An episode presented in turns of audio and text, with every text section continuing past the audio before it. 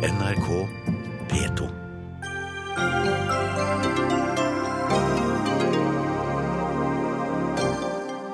Molde ligger an til å vinne sykehusstriden, men motstanderne gir seg ikke. I dag har kontrollkomiteen sendt spørsmål til helseministeren. Frp har sviktet de eldre og er ikke lenger partiet for dem, mener Trygve Slagsvold Vedum. Det er det dummeste jeg har hørt, svarer Frp-representant. SAS gikk med en halv milliard i minus i fjerde kvartal, men sjefen sjøl tror fremtidens flyreise kan bli gratis ved hjelp av reklame.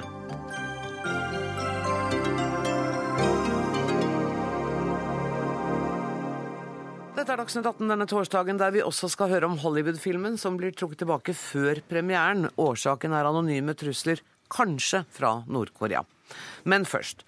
Helse Midt-Norge har i dag altså vedtatt å gå inn for at det nye fellessykehuset for Nordmøre og Romsdal skal ligge i Hjelset i Molde kommune.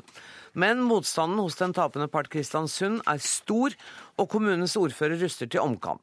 Samtidig vedtok kontroll- og konstitusjonskomiteen i dag å sende et brev til statsråd Bent Høie med spørsmål om hans befatning med saken. Aller først til deg, reporter Ann Kristin Listøl. Du er i Stjørdal og fulgte eh, styremøtet i dag. Hvordan forløp det? Det var et styremøte der styremedlemmene utvilsomt var prega av eh, de siste dagers hendelser. Der det kom fram anklager om utpressing og korrupsjon. Eh, og når styret satt der og var samla i dag, så var det veldig mange som hadde behov for å finne ut hva, var egentlig sant. Eh, men det var vanskelig for dem å finne ut av. Så det ble egentlig til at styremedlemmene fortalte om alle sine kvaler, og hva de så endte opp med å lande på. Men de var veldig prega av å vite at de nå skulle ta en beslutning som ville føre til at den ene byen ville bli den store taperen, som da mista sykehuset. Mm. Men vedtaket var ganske, det var et ganske tydelig flertall? Det var et uh, tydelig flertall.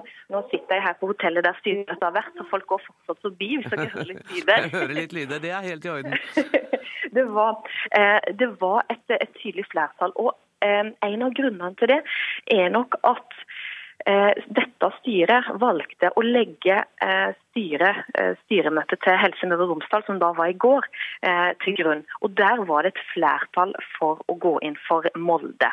Mm. Sånn at flere styremedlemmer i dette styremøtet de syntes det var vanskelig å gå imot innstillinga fra det lokale helseforetaket. I tillegg så har administrerende direktør innstilt på Molde. Eh, og Når det da ikke er tungtveiende grunner for å gå imot det, så blir det til at man følger det. Men det var forsøk på å fremme et motforslag eh, om å gå Kristiansund, men eh, det forslaget fikk ikke flertall. Men til slutt så var det to personer som stemte mot forslaget om å gå for Molde. Tusen takk skal du ha, reporter Ann Kristin Listøl.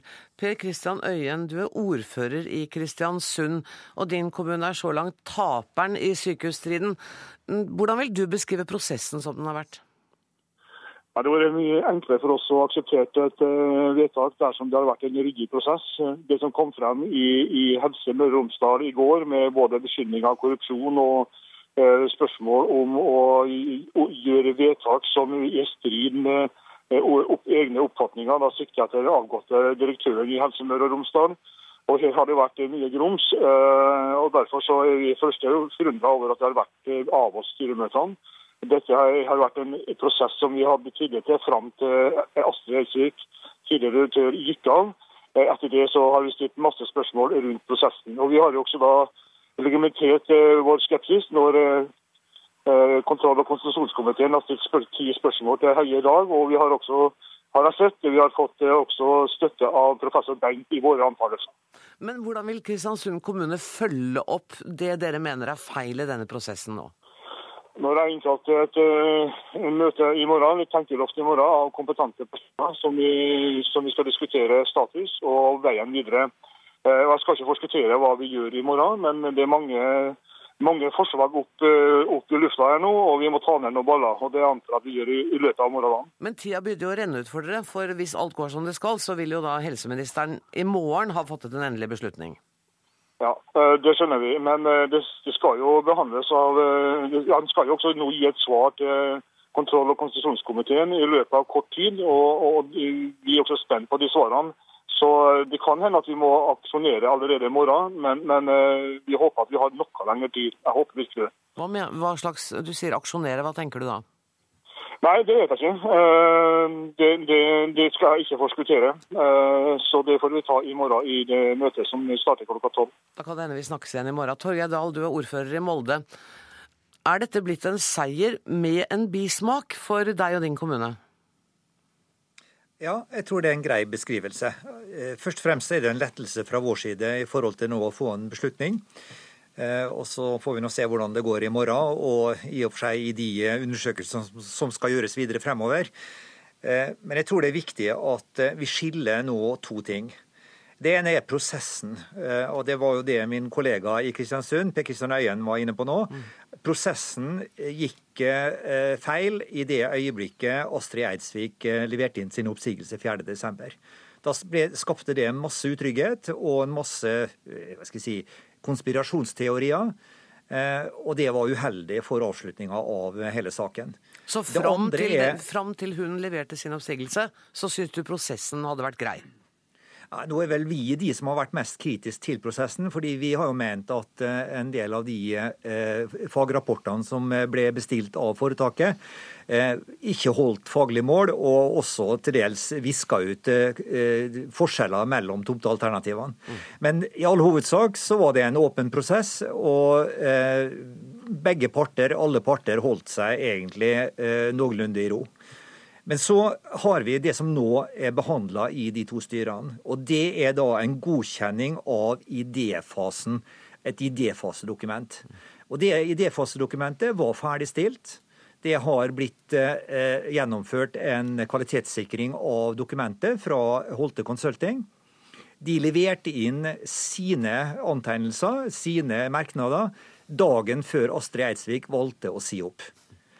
Så hadde Astrid Eidsvik, før hun sa opp, også laga sin innstilling til styret, bortsett fra selve forslaget til vedtak. Mm. Det samme har for øvrig også eh, administrasjonen i Helse Midt-Norge gjort. Sånn at hvis vi ser på selve godkjenninga av idéfasedokumentet og da fastsettelsen av fremtidig tomtevalg, så har det skjedd på vanlig måte med det faktagrunnlaget som var nødvendig for at styrene skulle da, jeg, gjøre gode vedtak. Okay. Og styrene har jo vært de samme hele tida. Så sånn sett så tror jeg vi må skille dette her. Mm. Prosessen og den usikkerheten som har ligget der, og det å komme videre i planleggingene, for nå skal man over i en konseptfase. Takk skal du ha, Torgeir Dahl. Martin Kolberg, du er leder av kontroll- og konstitusjonskomiteen. Hvorfor har komiteen blandet seg inn i dette ved å sende et brev til helseministeren i dag? Vårt anliggende er jo noe annet på sett og vis enn det vi hører fra de to ordførerne. Vårt anliggende er jo forholdet mellom helseforetaksloven og statsrådens opptreden. Statsråden sier veldig tydelig at han ikke på noe punkt gjennom denne prosessen har instruert, men han har ført en dialog, sier han. Og Jeg mener ikke at ikke statsråden kan kunne føre en dialog, men vi må vite om innholdet i denne dialogen har vært av en slik karakter at det har påvirket beslutningen. For det vil i tilfelle være brudd med loven. Men han sier at og, det er taushetsbelagt? Ja, men det øh, kan, Jeg forstår at en statsråd må føre taushetsbelagte samtaler med en del styreledere. Det kan være mange forhold som det er nødvendig å snakke om. Det respekterer jeg. Det vil jeg understreke. Men han kan ikke bruke det som argument for å skjule en eventuelt brudd på foretaksloven. Og når kontroll- og konstitusjonskomiteen spør, så legger jeg til grunn, som alltid, at statsråder svarer korrekt og riktig. Og det er det disse spørsmålene handler om. Og de går rett inn i de problemene som også er reist i samtalen som vi hører fra ordførerne på Møre. Vi har selvfølgelig invitert eh, helseministeren til studio i dag. Han hadde ikke anledning til å komme, men han får nok noen av disse spørsmålene når han kommer i Dagsrevyen litt senere. Eh, hvilke spørsmål er det dere stiller statsråden? Nei, Det første og mest essensielle spørsmålet er det jeg allerede har vært inne på. Hva er innholdet i denne dialogen? Hva er det han har sagt, og hva er det han ikke har sagt, og hva har han eventuelt påvirket det? Det er ingen, vi, Jeg sier ikke at han har gjort det, men det er nødvendig å stille spørsmålet fordi han sier også i stortingssalen, at jeg vil ikke svare på dette fordi dette er fortrolig informasjon. Det holder ikke i en situasjon som åpenbart er så vanskelig. Så er det mange andre konkrete spørsmål, f.eks. det som en av ordførerne er inne på her, nemlig avstanden mellom beslutningen i dag og vedtak i morgen. Det er jo spesielt, og vi ber han begrunne en slik tidsspenn. Fordi det er veldig raskt å få alle disse dokumentene på, fra foretaksmøtet i dag til departementet, og så skal de i løpet av 24 timer si jo, dette er greit, når det bare har vært ført sonderinger. Og det er klart at Da reiser det problemstillinger som det er nødvendig at kontrollkomiteen får vite noe mer om.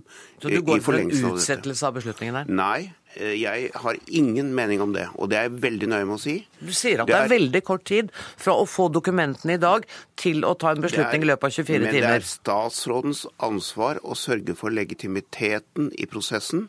Det er han som må føle at han har nok legitimitet, nok faktakunnskap, til å treffe en avgjørelse.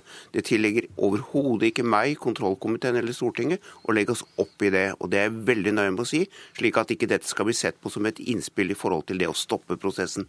Det er hans ansvar, og bare hans ansvar. Michael Tetzschner, er denne saken etter din mening for liten for kontroll- og konstitusjonskomiteen?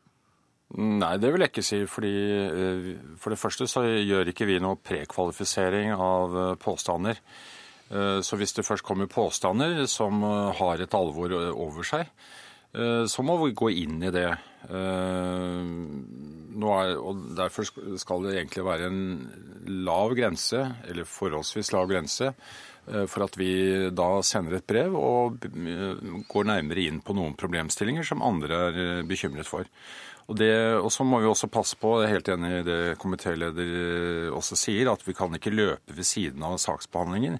Eh, Og vi må også som kontrollkomité, det vil jeg legge til for egen regning, vi må heller ikke bli trukket inn i en, en eh, politisk faglig diskusjon om det ene eller det andre alternativet, for det har vi fagkomiteer å ta seg av. Så det vi skal påse, er at uh, disse beslutningene er tatt på en betryggende måte, at uh, forvaltningspraksisen er eh, forsvarlig og god. Og det tror jeg faktisk også uh, Helsedirektoratet Nei, Direktoratet og departementet vil være tjent med, for da vil man jo se at man eventuelt skyter ned det som ikke har hold. Så i denne saken er det ingen uenighet mellom deg og komitéleder Kolberg? Nei, I, altså, altså i kontrollkomiteens behandling av saken, mener jeg. Det er fordi vi har tatt fatt i det prosessuelle her. Og vi, vi, hvis noen sier at eh, tingene ikke har skjedd etter boken, så må vi jo selvfølgelig utbe en forklaring. Eh, Men på et eller annet tidspunkt så vil jo også de som da eh, i referatsform her nevner andre eh, brudd på forvaltningsretten, de må jo også da være mer presise i hva de mener. Så en generell politisk uenighet, den er ikke vårt bord. Eh, Nå sier Kolberg at det ligger ikke til ham å mene noe om hastigheten fra vedtaket er fattet i Helse Midt-Norge til statsråden gjør sitt vedtak. Jeg går ut fra at du også er enig med ham i Det Ja, det er riktig, fordi vi, det ligger også i kontrolloppdraget at det må ta fatt i avsluttede prosesser, og så kan man eventuelt rette en kritikk eh, hvis ting ikke da har skjedd slik det skal. Men da er jeg glad jeg har deg her, Jan Grunn, professor i helseledelse ved Høgskolen i Oslo og Akershus. For du kan mene noe om denne sak, hvorvidt denne saken bør utsettes eller ikke. Jeg vil nok ikke gå inn for at den bør utsettes. Jeg mener nok at det er en sak som har gått veldig lenge. Og det viktige her er jo for så vidt selve substansen i den beslutning som skal treffes. Det kan godt være at det her har vært noen prosessuelle ting man kan rette kritikk mot, men det er jo sånn som foretaksloven er, så kan jo statsråden drive eierstyring mellom for så vidt foretaksmøter, men han må instruere alle vedtak i et foretaksmøte. Så det må være hele tiden en løpende dialog mellom en, en, eier, som, en politisk eier og, og styrer. Men det er jo spørsmål liksom hvor langt han har gått og hva han har sagt og sånn, og det vil ikke jeg blande meg inn i. Men her er det jo, disse, disse styrene har jo selvstendig ansvar alle sammen. Og det er klart at denne Astrid Eidsvik-saken er egentlig en relasjon mellom styreleder i Helse Møre og Romsdal og Astrid Eidsvik. Det er egentlig en personalpolitisk håndtering som man kan diskutere mye eh, inngående rundt. Men mener du at den, fordi den er personalpolitisk, eh, er saken likegyldig? Altså den store saken likegyldig? Jeg mener at det viktigste her er for så vidt beslutningen om tomtevalgene mellom disse to områdene. Og vi kan ikke, Det er alltid stridigheter om når sykehus skal bygges. Det fins ingen andre saker som laper mer spill og Nei, det må være språksaker i tilfelle. Ja, ja, Ja. Men det er altså, og det har vært strid om dette i alle år, så lenge jeg har fulgt helsepolitikken. Og og det er begynner å bli noen år. Men Ja. du, kan ikke jeg bare spørre deg, syns du det valget som til nå er kommet fram, altså å legge det til Molde, er det et klokt valg faglig sett? Ja, jeg har jo lest litt i disse rapportene, og sånn økonomisk og faglig så er det gode begrunnelser for det. Men det er klart at når det kommer til stykket, så er jo valg av sykehus har også politiske røtter. Hvis jeg kommer fra Kristiansund, så ville jeg også vært opptatt av arbeidsplasser og andre ting som skal skje rundt Kristiansund. Men jeg syns forstått at det da er viktig at når de organer man har valgt til å skulle treffe beslutninger, treffer de beslutningene de nå er kommet fram til, så må man ikke lage uryddighet og prøve å ødelegge for disse prosessene. Men nå hører vi jo at eh, ordføreren i Kristiansund har innkalt til et møte i morgen. Eh, Han varsler også aksjoner som han ikke kan eh, forskuttere noe om.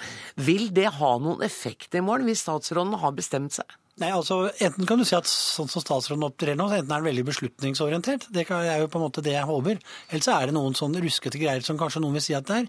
Det håper jeg at det ikke er. Jeg håper at det på en måte har vært en ordentlig prosess mellom de aktørene. De styrene som er her, de, de opptrer så godt de kan. Så jeg kan ikke tro at det, at det egentlig er noen sånne veldig skjulte agendaer, men det er fryktelig vanskelige beslutninger. Og det å si at man skal legge et sykehus på ett sted og ikke på et annet sted, det er noen av de vanskeligste politiske oppgavene som fins. Og den forrige regjeringen klarte jo det ikke. Så jeg synes for så vidt at når noen da prøver å ta tak i dette og prøve å få truffet beslutninger, Så så må man stå bak det. Og han har ikke etter min mening, som jeg tolker foretaksloven, så har han ikke brutt den. Eh, Kolberg, kan jeg spørre deg, og nå høres jeg sikkert ut eh, som en idiot, men eh, det brevet som de spørsmålene dere nå stiller helseministeren, kan de på noen måte ha en oppsettende virkning på hans beslutning? Nei. Altså, nei, jeg svarer på det. Okay. Han, eh, han har en suveren rett til å treffe en beslutning. Men jeg legger bare til, uh, uten sideblikk noen vei, at vi spør altså her i sitt tredje spørsmålet hvilken informasjon og utredning ligger til grunn for at statsråden kunne innkalle til foredragsmøte før Helse Midt-Norge hadde fattet sin beslutning. Det er også et spørsmål. Uh, altså, her går det for seg, kan du si. Eh, og det eh, har jeg ingen kommentarer til, bortsett fra at eh, vi har stilt det spørsmålet. Og når regner dere med å få svar fra statsråden? Ja, Vi har ikke noen tidsfrist, men uh, disse sakene har jo ikke godt av å bli ligge, liggende lenge. Og så også statsrådene erfaringsmessig de ser seg tjent med å kvittere sånne saker ut uh, så raskt de kan. Tusen takk for at dere kom til eh, Dagsnytt 18. Takk for at dere var med Per Kristian Øyen i Kristiansund, Torgeir Dahl Molde. Takk til Michael Tetzschner og til Jan Grundt. Og så ber jeg deg, Martin Kolberg, bare bli sittende litt til, for vi skal snakke mer om kontroll- og konstitusjonskomiteen. Um, dere har ikke bare behandlet denne saken i dag. Dere har også behandlet uh, VimpelCom, Telenor. Eh, dere har vært innom eh, Scandinavian Star-ulykken. Eller vært innom, høres jo litt flåst ut, dere har vært mer enn det, dere har diskutert det. Hvis vi ser på disse sakene, så er det store og sentrale eh, saker. Er det forsvarlig å behandle så, så mange så store spørsmål på ett møte, Kolberg? Det går an å tenke seg at eh, svaret på det spørsmålet er nei, men eh, det er et veldig profesjonelt miljø. En veldig god administrasjon og et veldig profesjonelt miljø. Og det er jo ikke på disse sakene i dag truffet noen beslutninger. Det er bare lagt til rette for at det skal treffe beslutninger. Og vi er jo i den situasjonen at vi må behandle sakene når de er der. Og disse er jo foranledninger ofte av forhold som ligger utenfor vår tradisjonelle rekkevidde, da kan du si. Og dermed så er det slik at da de kommer, så må vi ta dem, fordi at parlamentet må alltid være oppdatert og fungere ordentlig. Og det gjør Stortinget, og det er derfor vi håndterer disse sakene sånn som vi gjør det. En sak som dere har behandlet tidligere, eh, og som var oppe igjen i dag, og som jeg ikke nevnte i sted, det er eh, status når det gjelder svar fra justisminister Anders Anundsen om tvangsretur av eh, mindreårige asylsøkende. Ja. Det er korrekt, og der har vi da ventet på statsrådens svar. Og jeg kritiserer ikke at det har tatt såpass lang tid, for det er, det er komplisert og veldig mange spørsmål. Vi har bedt om oversikter og statistikker og disse tingene, og det må være korrekt når det kommer til oss. Men nå har departementet sagt at det kommer i morgen. Og da har komiteen i dag besluttet at det skal være et nytt møte i komiteen på den saken, altså denne spørsmålet om langtværende asylbarn, i morgen klokken tre. For da forventer vi at svaret foreligger. for det svaret er av en slik karakter, eller den saken unnskyld, er av en slik karakter at den går rett i kjernen av hva som er kontrollkomiteens oppgave, nemlig å kontrollere regjeringens forhold til Stortinget. Og Vi kjenner jo aspektene knytta til det, hva som er sagt i salen, hva som er informert, og de spørsmålene vi har stilt. Og det kan ikke vente til over jul og nyttår. Vi kan ikke vente i 18-20 dager før det får sin politiske behandling, slik at dette vil kontrollkomiteen følge opp allerede i morgen. Rent hypotetisk, Om nå komiteen eh, i morgen skulle konkludere med at de ikke var 100% tilfreds med statsrådens svar, hva er den videre gangen da? Ja, Det er veldig hypotetisk, Ja, da, men det. eh, det er nesten til informasjon. og det er jo, Da er det eventuelt nye spørsmål. Eller at man går rett på en såkalt høring. Det er det som er de virkemidlene som vi har. Men vi får avvente hva justisministeren svarer, før vi sier noe som helst om det. En annen sak som vi har snakket mye om her i Dagsnytt 18-studio, er VimpelCom og, og Telenor. Eh, hva kom dere til der? Ja, det, det er tidligere besluttet at det skal være åpen høring. Nå er den eh, fastsatt til 14. Og eh, vi ber da de to statsrådene komme, altså den tidligere eh, næringsminister Trond Giske og eh, Mæland, statsråd Mæland, og så er da styreleder Aaser og Baksås, som jo er direktør i Telenor. Og de fire er jo kjernepersoner når det gjelder å, å håndtere det spørsmålet. Vil det da kunne være den endelige behandlingen av det spørsmålet i kontroll- og konstitusjonskomiteen? Ja, det kommer an på hva som kommer ut av den høringen. Vi har jo et eksempel Jeg hører at jeg prøver å dra ting ut av det ja, som men, ikke er Nei, mulig. men det kommer an på Vi har et eksempel på det motsatte, for å først si det når vi snakker Mm. om prosesser i Stortinget. Det er jo Nav-høringen, som vi hadde nylig, oss, hvor vi ikke har gjort oss ferdig med saken. Vi har avgitt en sak i dag, Dukk 1 som det heter, dette er litt spesielt og litt teknisk, uten Nav. Nettopp fordi den er holdt tilbake. Og jeg utelukker ikke at her vil komiteen gå veldig lenger, selv om man har hatt høring. Så det er åpent. Det beror på hva som blir svart i høringen.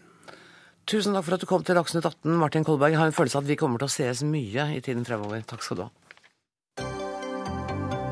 Dagsnytt 18 alle hverdager klokka 18. På NRK P2 og NRK2.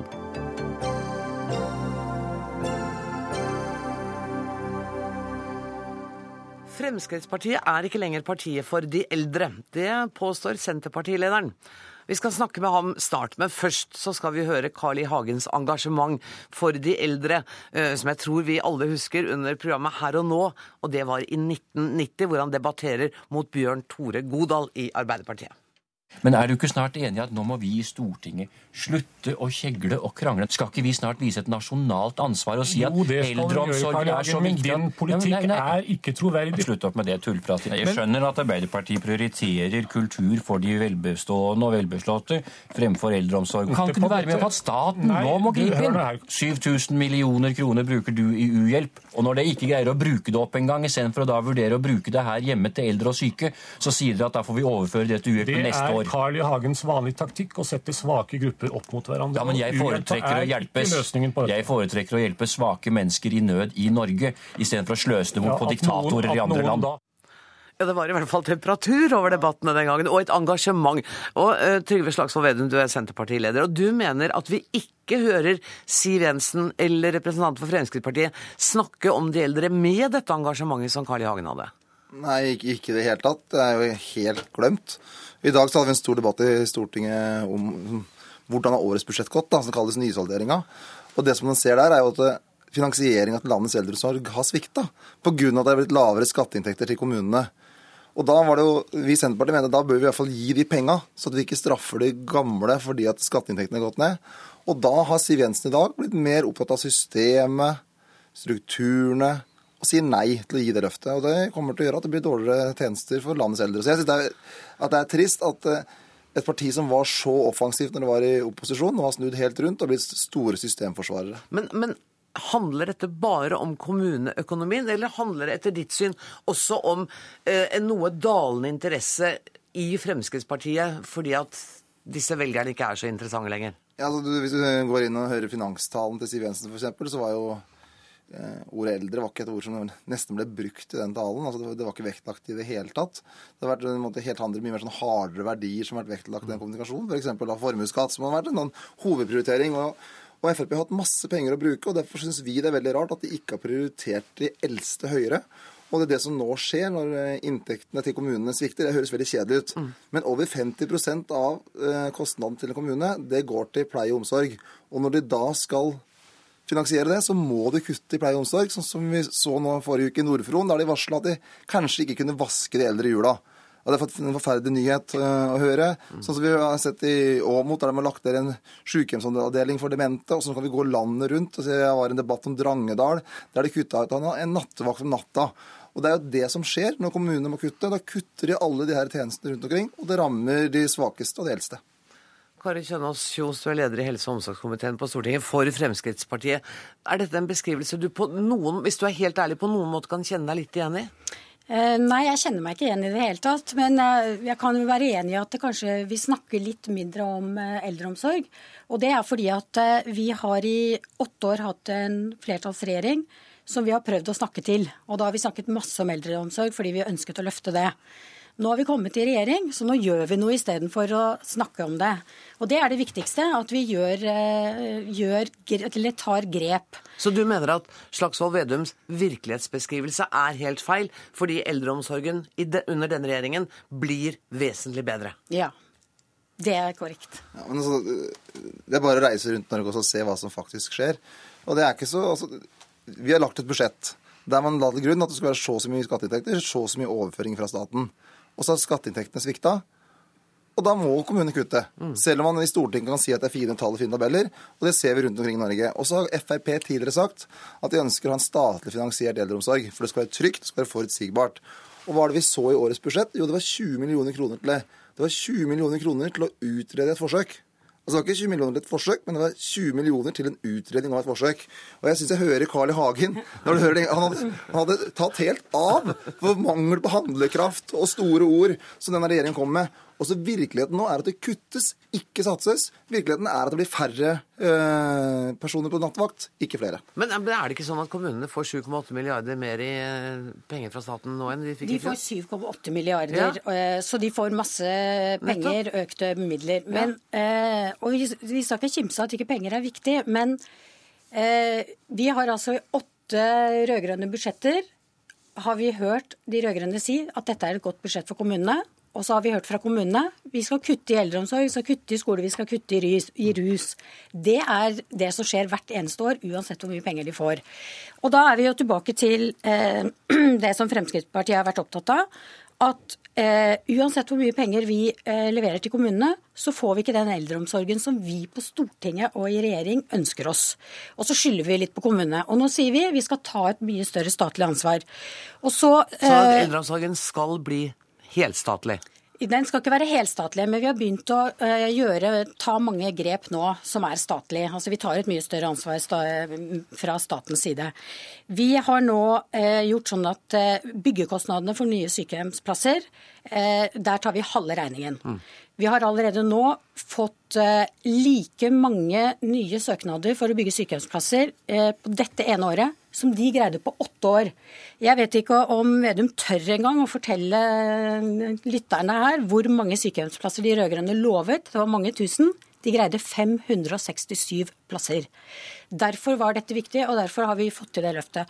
Så går vi inn nå med masse tilskudd fordi vi skal løfte kompetansen. Mm. og, så må jeg legge til en ting til. Det aller viktigste i eldreomsorgen det er at det er kvalitet og kompetanse og kunnskap hos de som skal jobbe med disse veldig syke menneskene. De rød-grønne fjernet profesjonen i lovverket. Det betyr i prinsippet at det går an å være bare ufaglærte på jobb i, i eldreomsorgen. For det står ikke ett ord om lege, sykepleier, ergoterapeut, fysioterapeut. Alt det er fjernet fra lovverket. Det skal vi gjeninnføre, så vi jobber med det lovverket nå. Det skal være krav til eh, kunnskap og kompetanse. Derfor øremerker vi midler til å gi etterutdanning og videreutdanning til de ansatte i eldreomsorgen. Nå må, nå må Vedum, altså, du, du, er sikkert en modig mann, og det er jo lettere å være modig i opposisjon enn når du sitter med ansvar? Nei, Det er ganske lett når du sitter med ansvar, og det er hvis du vil noe. og Det er jo derfor du driver med politikk, for du ønsker å få til endring. Men det som er så forunderlig nå, det er jo at inntektene svikter til kommunene. Altså Vi kan snakke om alle lovendringer og alle de fine prosessene, men til sjuende og sist så handler det om at kommunene må ha penger som gjør at de kan ha den sykepleieren, ha den eh, ekstra nattevakta. Ja, Men de får 7,8 milliarder. Men poenget er at uh, i år, 2014, så sa vi også at kommunene skulle få mer penger. Det sa man i fjor høst. Å, blir, her blir så bra. Kjempeflott. Okay. Men så når vi skal gjøre opp uh, årsregnskapet, så viser det seg at de pengene kom ikke. For skatteinntektene ble dårligere. Så derfor kanskje det blir ca. 3 milliarder kroner mindre enn det kommunene har budsjettert med. Og det gjør at de nå må kutte eh, i fullt monn. Og det er veldig sannsynlig at det kommer til å skje også neste år. Fordi at vi ser at når oljeprisen sånn går ned, så går skatteinntektene ned. Og det kommer til å følge oss også inn neste år. Og vi i Senterpartiet mener det er feil at det at oljepriser og skatteinntekter går ned, skal ramme landets eldre. Og det er det som faktisk skjer nå. Og så er det veldig sånn, Men, fornøyelig å være Kan jeg må spørre deg om dette Ja. med disse kommunepengene du er så veldig opptatt av? For hvis de rød-grønne ga så veldig mye kommunepenger i åtte år, hvorfor klarte ikke dere å løfte eldreomsorgen? Hvorfor får vi så mye rapporter om at eh, eldreomsorgen ikke er løftet i det hele tatt på åtte år? Da handler det ikke om bare penger, da handler det om at du gjør ting annerledes. At du setter krav til kvalitet og kunnskap, og at staten tar en større regning. Hvorfor, hvorfor gikk det så dårlig? Nei, så det var over, eh, så I kommunal sektor ca. 50 000 flere folk som begynte å jobbe der. Men det er, utfordringene er kjempestore i norsk eldreomsorg. Og, og, og hvis da Kari Kjønaas Kjos mener at vi gjorde for dårlig jobb, så er det jo dumt at man da sitter nå stille og ser på at kommunene mister, mister masse penger. Og i 2004 så sa Siv Jensen når det var tilsvarende skattesvikt, jo det er et prinsipp for Frp at den da skal få kompensert eh, de inntektene. Og Frp klarte å presse Bondevik II-regjeringa til å gjøre det. I 2009 var det skattesvikt. Da la den rød-grønne regjeringa fram på egen hånd ekstra penger for at man ikke skulle ramme landets eldre. Nå er det skattesvikt, og da sitter Frp helt stille. Og så sier Siv Jensen nå er det prinsipp å ikke kompensere, og det rammer landets eldre, og det er uklokt. Gode venner, vi er nødt til å sette strek for denne debatten, og så tror jeg det får være opp til hver enkelt ja, hvem, er- hvem de syns er eh, partiet for de eldre. Om det er Fremskrittspartiet eller f.eks. Senterpartiet. Det var hyggelig at dere kom. Takk skal dere ha.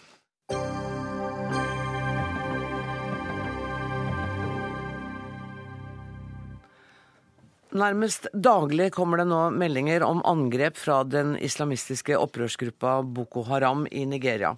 I dag har vi fått vite at på søndag så ble det drept minst 32 mennesker, kidnappet minst 185 kvinner og barn fra en landsby nordøst i landet. Kristine Presthun, du er NRKs korrespondent i Afrika. Hva vet du om dette angrepet?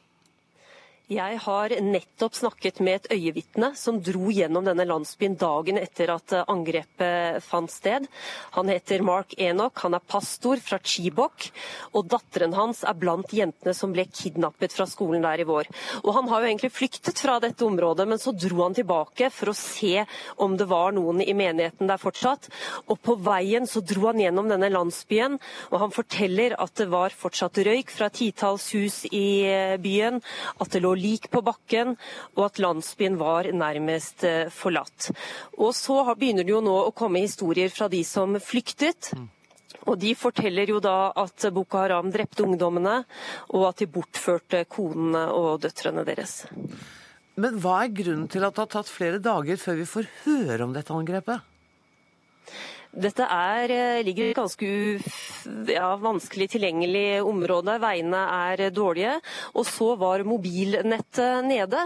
Og det betød at det var først da denne pastoren her kom til hovedstaden Abuja, og da de som flyktet kom til nærmeste, nærmeste store by, at vi fikk eh, disse grusomme fortellingene. Jeg husker godt da verden våknet da over 200 skolejenter ble bortført av Boko Haram i våres. Og du møtte jo slektninger til disse jentene. Hva, hva synes de om den innsatsen myndighetene har gjort på deres vegne? Ja, En av de var jo denne pastoren som jeg fortalte om nå. Datteren hans har jo fortsatt ikke kommet tilbake. Og da han flyktet fra Chibok, så var det altså soldater som flyktet sammen med han. Eh, Og jeg spurte jo da ja, hva, hva, hva tenker du om det? Og han eh, stilte et spørsmål tilbake ved å si at ja, hva hadde du følt selv hvis, var, hvis du var på flukt og de som skulle beskytte deg, flyktet sammen eh, med deg? Sånn at disse slektningene, og egentlig alle jeg snakket med i Nordøst, de føler seg jo helt forlatt og ikke sett av myndighetene i sør, mens de jo da er altfor godt sett av Boko Haram. Og Boko Haram, i de områdene hvor de får makt, de innfører også ganske spesielle slags sharialover.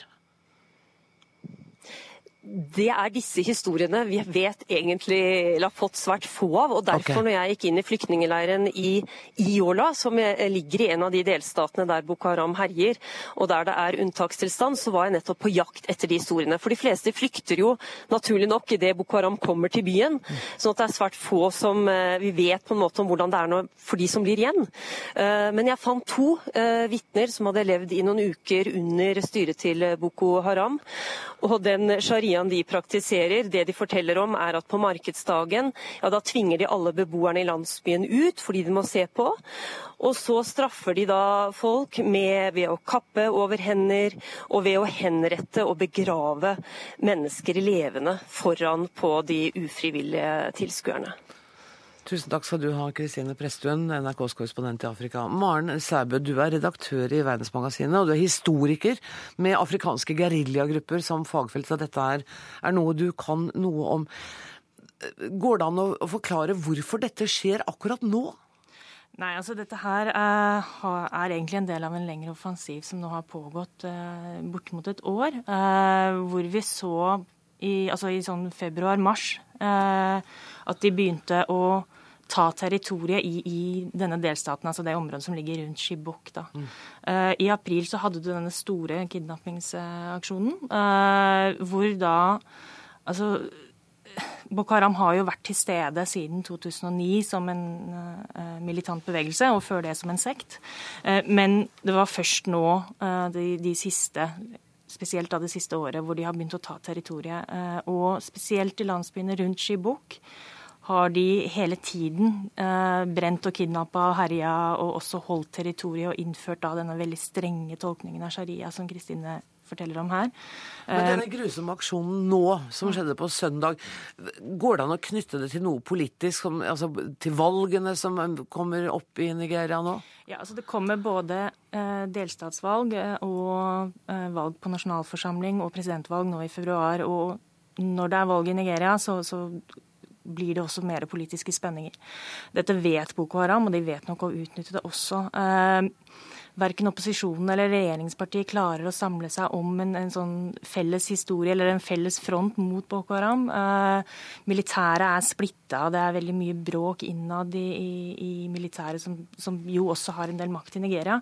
Eh, og, og Boko Haram vet jo at dette er deres mulighet. Eh, Men dette er jo et land som er rikt på naturressurser. De har olje. Hvorfor, hvorfor Og Boko Haram er jo ikke noen veldig stor eh, gruppe mennesker. Det vet man jo ikke. Vet man ikke? Eh, man vet veldig lite eh, om hvor mange de er, eller hvor mye. Altså, jeg har sett tall på alt fra liksom noen eh, titusener til en halv million ja. mennesker som støttet dem den gang de var en sekt. Altså, og fortsatt drev over jorden, så å si. Hvor mange de er nå, er det er vanskelig å få tall, også fra nigerianske myndigheter. De har ikke noe felles historiefortelling på dette her. De, de holder til, tilbake en del, antageligvis. Men hvordan, vet vi noe om hvordan Boko Haram er organisert? Er det en, er det en stor organisasjon? Er det en celler? Er det, altså, vet man noe som helst om den? Vi hører jo noen av disse historiene som kommer ut av, av spesielt av denne Borno, eh, Mm. staten Borno, eh, hvor Shibok ligger, og også denne landsbyen som vi nå hører om. Um, og, og det er jo en, en klassisk altså, geriljabevegelse som, som holder til eh, med leire i, i bushen, så å si. Eh, vi vet jo også at de har kidnappa veldig mange, både unge menn og kvinner. Vi vet at disse antageligvis både er soldater og, og, og brukes i leirene til, til andre oppgaver. Um, men, men utover det, så, så altså det er vanskelig også for nigerianske journalister å, å, å få noe helt definitivt om hva som skjer. Og da er det jo også vanskelig for nigerianske myndigheter vil jeg tro, å vite hvordan man skal bekjempe eller møte denne kampen. Ja, altså de har jo etter hvert en del fanger. Ehm, svært mange eh, Jeg snakket med nigerianske myndigheter når jeg var nedover, og de innrømmet på en måte det at de hadde veldig unge fanger. Eh, at de ikke helt visste hvordan de skulle eh, på en måte organisere det, eller hvordan de skulle tolke det. Um, men, men det virker som de ikke helt, helt har, har taket på det. eh, Vi kan vente oss flere aksjoner. Absolutt. eh, dessverre. Tusen takk for at du kom til Dagsnytt 18, Maren Sæbø. Hør Dagsnytt 18 når du vil. Radio nrk.no.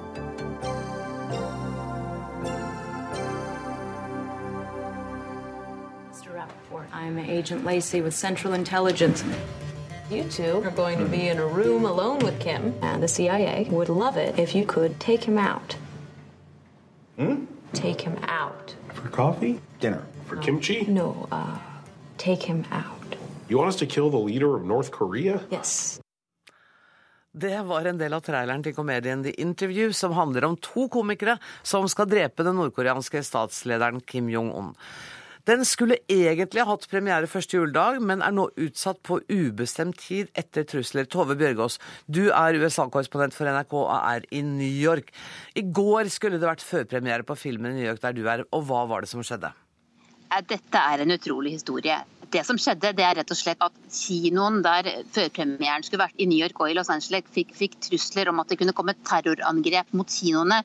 Dermed så tør ikke disse kinoene å vise filmen, fordi Sony, selskapet som laget filmen, ble utsatt for et stort hackerangrep mens filmen ble produsert. Hva går disse hackerangrepene og disse truslene ut på? Nei, Det som skjedde eh, i sin tid, det var altså at eh, Sony, flere av serverne til Sony ble hacket for en enorm mengde data. Eh, de stakk av med både informasjon om filmen, men også eh, personopplysninger til ansatte i Sony. Eh, altså identitetsopplysninger til ansatte i Sony. De sitter nå på enorme mengder eh, informasjon om de som jobber der, og om selskapet. Og amerikanske myndigheter sier nå at de mener Nord-Korea står bak dette hackerangrepet. Det, det, den nyheten kom i går, så nå er dette blitt en storpolitisk sak her. Ja, nettopp. For den, den har jo liksom elementer av noe litt latterlig ved seg, men så er det også det dypeste alvor i det øyeblikk beskyldningene mot Nord-Korea kommer. Absolutt. og til alt overmål, nå, er, nå, nå, blir det normalisering mot Cuba. Nord-Korea er liksom den eneste røverstaten som virkelig er igjen. Og nå mener altså etterretningen her at de kan eh, bevise at det er nordkoreanske agenter som har hacket seg inn på Sony server, og at dette høyst sannsynlig skjedde fra Kina. Tove, heng med oss litt. Jeg har med meg Inger Merete Hobbelstad her i studio, og kanskje du har lyst til å komme inn og kommentere litt senere. Um, Inger Merete, jeg kjente, kjente plutselig på at i stad snakket vi om Boko Haram og Nigeria, og så går vi liksom over til det virkelig helt lettbente. Men så Tove sier, det er jo virkelig alvorlig hvis det nå skulle vise seg at Nord-Korea har tatt denne filmen som en så stor provokasjon at de har gått i det skrittet å hacke. Absolutt. Og nå er dette en sak som mange har på en måte eh, kikket litt sånn nysgjerrig på og fnist litt av eh, de siste ukene. For det har jo kommet ut eh, fra disse e-postene som har blitt eh, hacket og lagt ut fra Sony, eh, at de driver og snakker stygt om hverandre og baksnakker Angelina Jolie, og det er på en måte litt sånn juicy nyheter ja. om kjendiser. Hvem tjener hva? Eh, men så kommer denne saken hvor det da trues med 11. september-lignende tilstander, er vel ordet som brukes, mot kinoene hvis, hvis, filmen får kinopremiere. Og på Sony da svarer med å, å, trekke filmen. Så det er jo ingen god dag for ytringsfriheten. Dette det er jo faktisk snakk om å la seg true til taushet med de utrolig uheldige signalene det sender ut, og den, den presedens det, eh, det setter. Og så er det jo flere som har eh, foreslått at hvorfor kan ikke Sony da streame filmen? Altså De hadde jo på en måte ikke noe valg, fordi kinokjedene ville jo ikke vise filmen. Det var de som på en måte tvang Sony til å trekke den. Det var at kinoene sa de ikke ville vise den. For antagelig ville ikke, altså ikke bare ville jo ikke folk ikke sett den filmen, men de ville jo antagelig vegret seg for å komme på kino i, i det hele tatt. Um, men det vil jo da være muligheter f.eks. å legge ut uh, filmen til streaming, og at folk kan se den hjemme i sofaen i sin egen stue. Der, der vil jeg tvilsomt at uh, noen kunne nå dem. Men hvorfor gjør de ikke det? Kanskje de frykter for uh, sine egne ansatte. Um, det er vanskelig å vite. Det er, det er en slags total kapitulasjon som er litt trist å se. Kan det ha med penger å gjøre? Det, er, altså det kan ha noe med deres på en måte omdømme å gjøre i det hele tatt, om folk vil vegre seg for å eh, jobbe for dem, se filmen, se andre sånne filmer, vil frykte at det kommer reaksjoner mot dem. Jeg syns, jeg syns det er vanskelig å, å si. Um, men jeg tenker at det er jo det er jo et fabelaktig snedig angrep, mm. egentlig. Fordi For det første så ødelegger de for denne filmen. Det er anslått nå at Sony har tapt rundt 200 millioner dollar på hele spetakkelet. Eh, Og det gjør det åpenbart mye vanskeligere for Sony i fremtiden. For det er klart, altså, Sony er jo avhengig av disse store stjernene. ikke sant? At de skal komme og spille i filmene deres, promotere dem videre. Og når f.eks. Angelina Jolie i disse lekkede e-postene eh, kalles eh, en minimalt begavet, eh, bortskjemt unge, tror jeg de skriver. Det kommer frem at Jennifer Lawrence har fått mindre penger enn sine mannlige medspillere for en film hun har, hun har eh, laget. Så er det noe, noe som vil prege forholdet mellom disse skuespillerne eh, og Sony. Og det er noe som vi i pressen har kastet, kastet oss over og Mm. videreformidlet veldig ivrig. ikke sant? Altså Hackerne trengte bare å legge ut dette her, så ja, ble jo det spredd vidt og bredt. Men, men ligger det da også et ansvar på oss i media for å kanskje være litt mer varsomme med hva vi syns er godt og morsomt stoff? Det har jo vært eh, et, en stor debatt de siste dagene. Aaron Sorkin, eh, som laget The West Wing og alle disse TV-seriene, han skrev et innlegg i New York Times der han eh, argumenterte glødende for at mediene nå måtte slutte å bruke informasjon som fantes i de lekkede dokumentene fra Sony, fordi man da går hackernes ærend. Og han mente jo til og med at på en eller annen måte er det nesten bedre det de gjør enn hva pressen gjør. For han sier at de gjør det i hvert fall for en eller annen sak, mens pressen gjør det bare for å tjene penger Tjene og for å få klikk og selge aviser. Men, men, diskuteres. Men Tove, er du med oss ennå? Ja, jeg er med det, ja. Ja, for jeg lurer på, er det, er det en sånn tydelig, det er en tydelig sammenheng her mellom hackingen og truslene. Men hvis det er riktig, som Inger Merete Hobbelstad sier, at dette er en mørk dag for ytringsfriheten, så kan man vel se for seg at trusler i og for seg kunne være nok til å få stoppet filmer, eller andre ting man ikke liker? Ja, det kan man si. Og mange peker på at dette er en ny utvikling. Dette har ikke skjedd før at en film har blitt angrepet på den måten.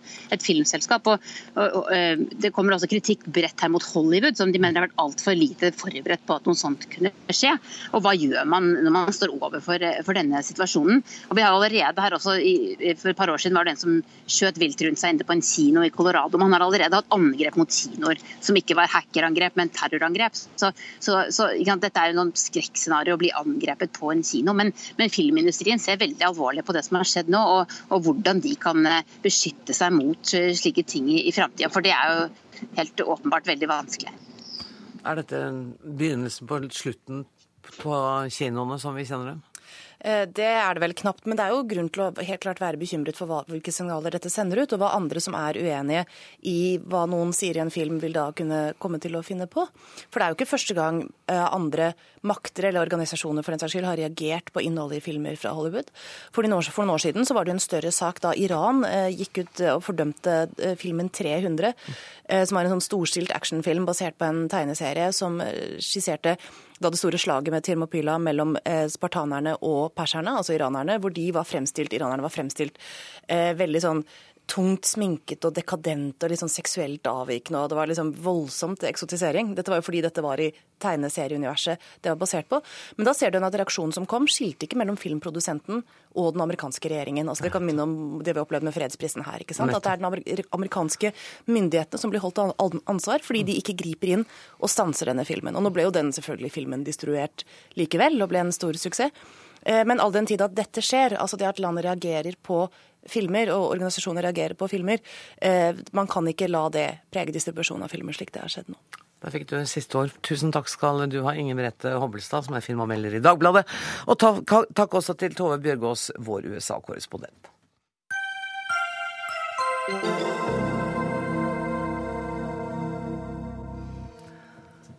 SAS avslutter året med røde regnskapstall og fallende aksjekurs.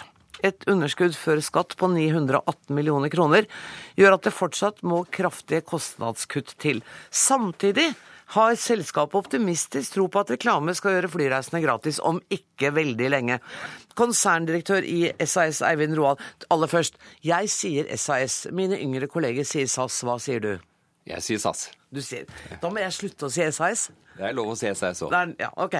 Um, men la oss begynne med det siste, det der med at det skal bli gratis å fly. Um, det høres veldig gøy ut, men hvordan har dere tenkt å få det til? Nei, Vi er jo inne i en eh, verden som kanskje er veldig tradisjonelt når det gjelder å tilby kunder nye innovative programmer.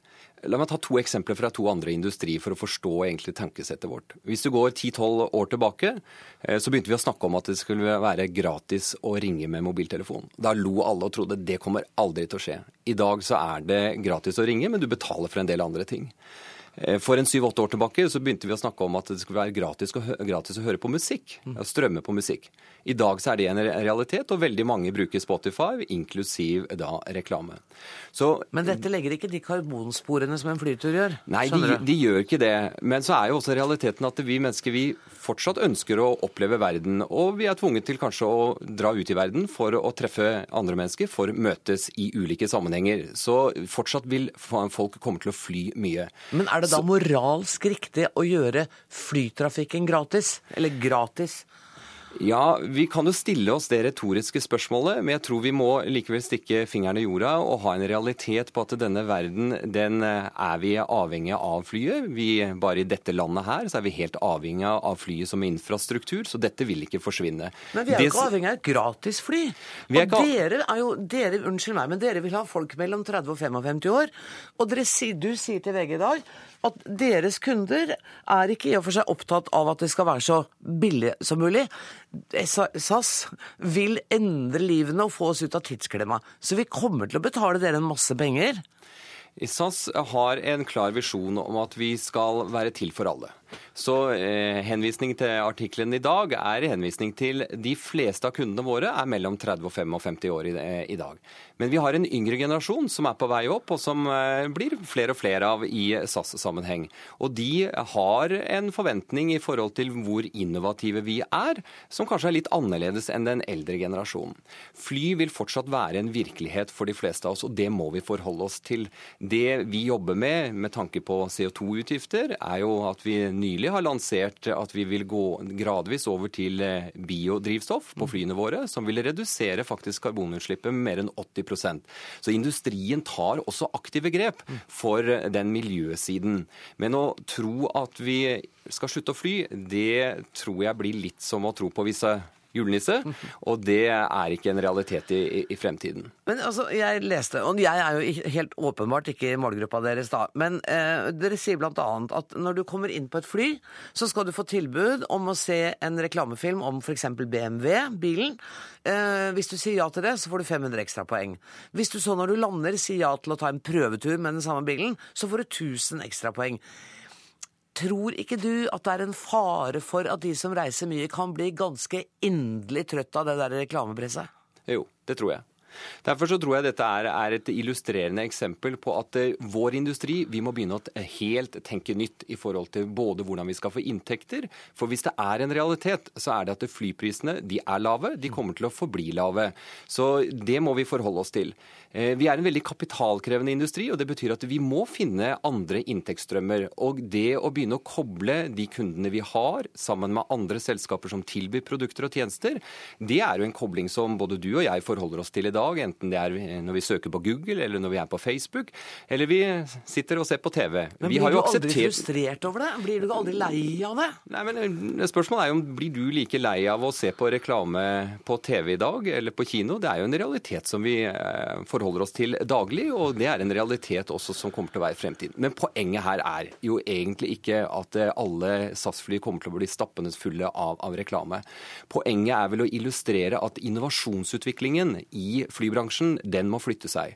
Og vi ser jo faktisk en mulighet til å tilby våre reisende, som reiser mye, produkter og tjenester som bidrar til at deres liv blir noe enklere. For når det er den målgruppen vi har konsentrert oss om, så er det e- ett overordnet behov de har, det er å få tiden til å gå mer opp. Hvis vi kan være med å bidra til å tilby tjenester og produkter som gjør at livene blir litt enklere å forholde seg til, så skaper vi verdi. Og det er det vi er opptatt av. det jeg venter mest av et flyselskap, er at det går når det skal, og kommer når det skal, at sikkerheten er ivaretatt, og at jeg får god service. Og da skal du reise med SAS. Nei, vi er verdens, er nest- på, vi, vi, er verdens, blant de verdens ledende flyselskaper på punktlighet. Mm. 92% punktlighet i november. Det var bare en russisk flyselskap som var før oss, Aeroflot. Så det har vi vært i, i en ledende posisjon i alle, alle år, og den skal vi fortsatt eh, være ledende på. Du, dere har også varslet eh, kostnadskutt på 2,1 milliarder kroner. Er noen av de tiltakene du nå har skissert for meg, en del av den løsningen? Ja, Automatisering og effektivisering i flybransjen kommer til å fortsette. Vi er i en eh, bransje som har eh, kanskje fortsatt en lang vei å gå i å bruke teknologi. Det vil vi se. Når det gjelder kostnadskuttene som vi har varslet i dag på 2,1 milliarder, så er det også knyttet til en, til en del faktum som eh, SAS har historisk, som f.eks. at vi har mye eiendom som vi ikke har behov for, men som vi hadde behov for. Det kommer vi til å avhende i tiden som kommer. Vi kommer også til, til vårt datterselskap i Finland som heter Blue One. Der har vi ni fly som vi skal selge, og vi kommer til å avhende disse og sånn sett konsentrere oss om Airbus og Boeing som, som fly i tiden fremover. Så en del av disse restruktureringskostnadene som også er avsatt i regnskapet, og som er grunnen til at eh, det var et underskudd regnskapsteknisk. Jeg må få presisere at driften i SAS eh, det inneværende året den går med 347 millioner i overskudd. Og det er spesifikke omstruktureringskostnader som er grunnen til at det, det regnskapet viser minus. Og jeg skjønner eh, den, den entusiasmen du viser meg her i studio nå, men helt ærlig, hender det at du er litt søvnløs pga. det som skjer i SAS? Nei. Jeg er ikke søvnløs. Og grunnen til det er at vi har 15 000 fantastiske medarbeidere som hver eneste dag står på og leverer et eh, utrolig bra produkt som kundene våre er veldig glad for. 1,6 millioner nye kunder fikk vi dette året her, og det er et godt tegn på at SAS likes og, og er godt likt blant eh, skandinaviske passasjerer. Takk for at du kom til Dagsnytt 18, Eivind Roald. Vi skal få inn en eh, ny gjest. Espen Andersen er førsteamanuensis ved Institutt for strategi og logistikk ved BI. Um, ja, eh, du hører jo en veldig optimistisk, engasjert, inspirert leder for den norske seksjonen her. Er det mulig å gjennomføre disse tiltakene uten store oppsigelser i SAS? Uh, ja, det får jeg håpe. Uh, det er helt riktig som, uh, som det ble sagt her, sånn, at det er, etter mitt skjønn i hvert fall, at driften går i pluss. Og de kostnadene, underskuddene de har, det er, det er etterslep av store endringskostnader. Men, men, det som er interessant her, sånn, er jo at og som kanskje Eivind Roald har, brakt inn i SAS, da, ikke sant, er at det er mye mer fokus på å utvikle strategien fremover. Og det vi ser nå, er at det blir en tydeliggjøring av forskjellen mellom Norwegian og SAS. Norwegian har et veldig enkelt og streit produkt og vokser ute og kommer til å bli svært store. De har nå passert SAS i et par dimensjoner. Og SAS har gitt opp konkurransen? Eh, ja, på mange måter. Og så konsentrerer SAS seg nå rundt forretningsreisende. Og, og, definerer den gruppen veldig klart. Og forsøker nå å legge på nye tjenester på toppen. Er det klokt? Å begrense ja. kundetilfanget man er interessert i? Ja, hvem som helst kan jo fortsatt fly med SAS hvis de vil. Jo, men hvis de eh, fokuserer så på 30-55 eh, Ja, altså Bak det så ligger det en analyse, altså noe sånt som at eh, den gruppen av mennesker, eh, ble jeg nettopp fortalt her ute, eh, som flyr mer enn fem ganger i året, eh, er utgjør 70% av markedet i, i, Norge, i, Norden. Slik at det å konsentrere seg om den gruppen, som bruker mye penger og reiser mye, er den naturlige konsekvensen hvis du ikke skal gi deg på en renspikket kostnadskonkurranse. Det lærte du av Roald her ute før du kom inn? Nei, ja, jeg har hørt den før, oh, ja. men okay. jeg ble minnet på den. ja. Mm. og dette at de skal satse på en stor medlemsklubb, er det et godt grep for å få kunder? Altså, Det som er problemet med flybransjen, ikke sant, er at fly er svindyre, og et flysete er et flysete er et flysete. Og da ender du opp eh, Hvis du skal snakke litt sånn økonomiteori, så sier du at pris kommer til å ende opp rundt marginalkostnad. Og marginalkostnaden, kostnaden ved å fly én person til, er veldig, veldig liten. Det betyr altså at da blir prisen veldig, veldig lav. Og da er det det å si at flyreisene blir gratis og du skal få poeng ved å sitte og se på reklame på flyet, det er mer en sånn måte å illustrere hvor man går hen, eh, enn at det, om det kommer til å bli en realitet. Det er litt sånn som når eh, sjefen i Ryanair snakker om at du skal ta betalt for å være på toalettet. Mm. Ja, nettopp. Men, men uh, disse klubbene, disse medlemsklubbene er jo heller ikke noe helt nytt. Jeg, jeg mener å huske at Janne Carlsson introduserte dem for mange år siden. Ja, eh, det første flyselskapet som gjorde det, som hadde en eurobonuslignende klubb, eh, for det er jo en klubb, ikke sant, mm. var American Airlines 1981. Så dette er ikke nytt på noe som helst måte. Så prøvde man å dra den lenger og lenger. En del flyselskaper som skulle eie hoteller, eie leiebilselskaper, liksom ha komplette pakker til forretningsreisende. Og det sprakk på ja, litt sånn komplekse sammenhenger med hvor stor markedsandel man fikk i hvert marked og sånn. Men du, kan jeg bare spørre deg helt kort til slutt. Er SAS liv laga som vi kjenner det? Mm, ja, det Ja, hadde jeg visst det, så hadde jeg investert og ikke sittet her sånn. Eh, eh, Jeg syns den strategien de gjør, går i riktig retning. Altså, er- men hele problemet er ikke sant, at hver eneste du sparer penger, og så viser det seg at konkurrenten har spart enda litt mer, og sånn går det og går det og går det, og går det fremover hele veien. Og, og det, er, det er et kappløp mellom det å få til en ny strategi og det å, og at, at kostnadskuttene tar deg an. Det du svarer er 'jeg veit ikke'. Eh, tusen takk skal du ha, Espen Andersen. Ansvarlig for Dagsnytt 18 i dag var Andrea Hagen. Teknisk ansvarlig var Lisbeth Sellreite. Jeg heter Anne Grosvold, og vi høres igjen i morgen. Takk for nå.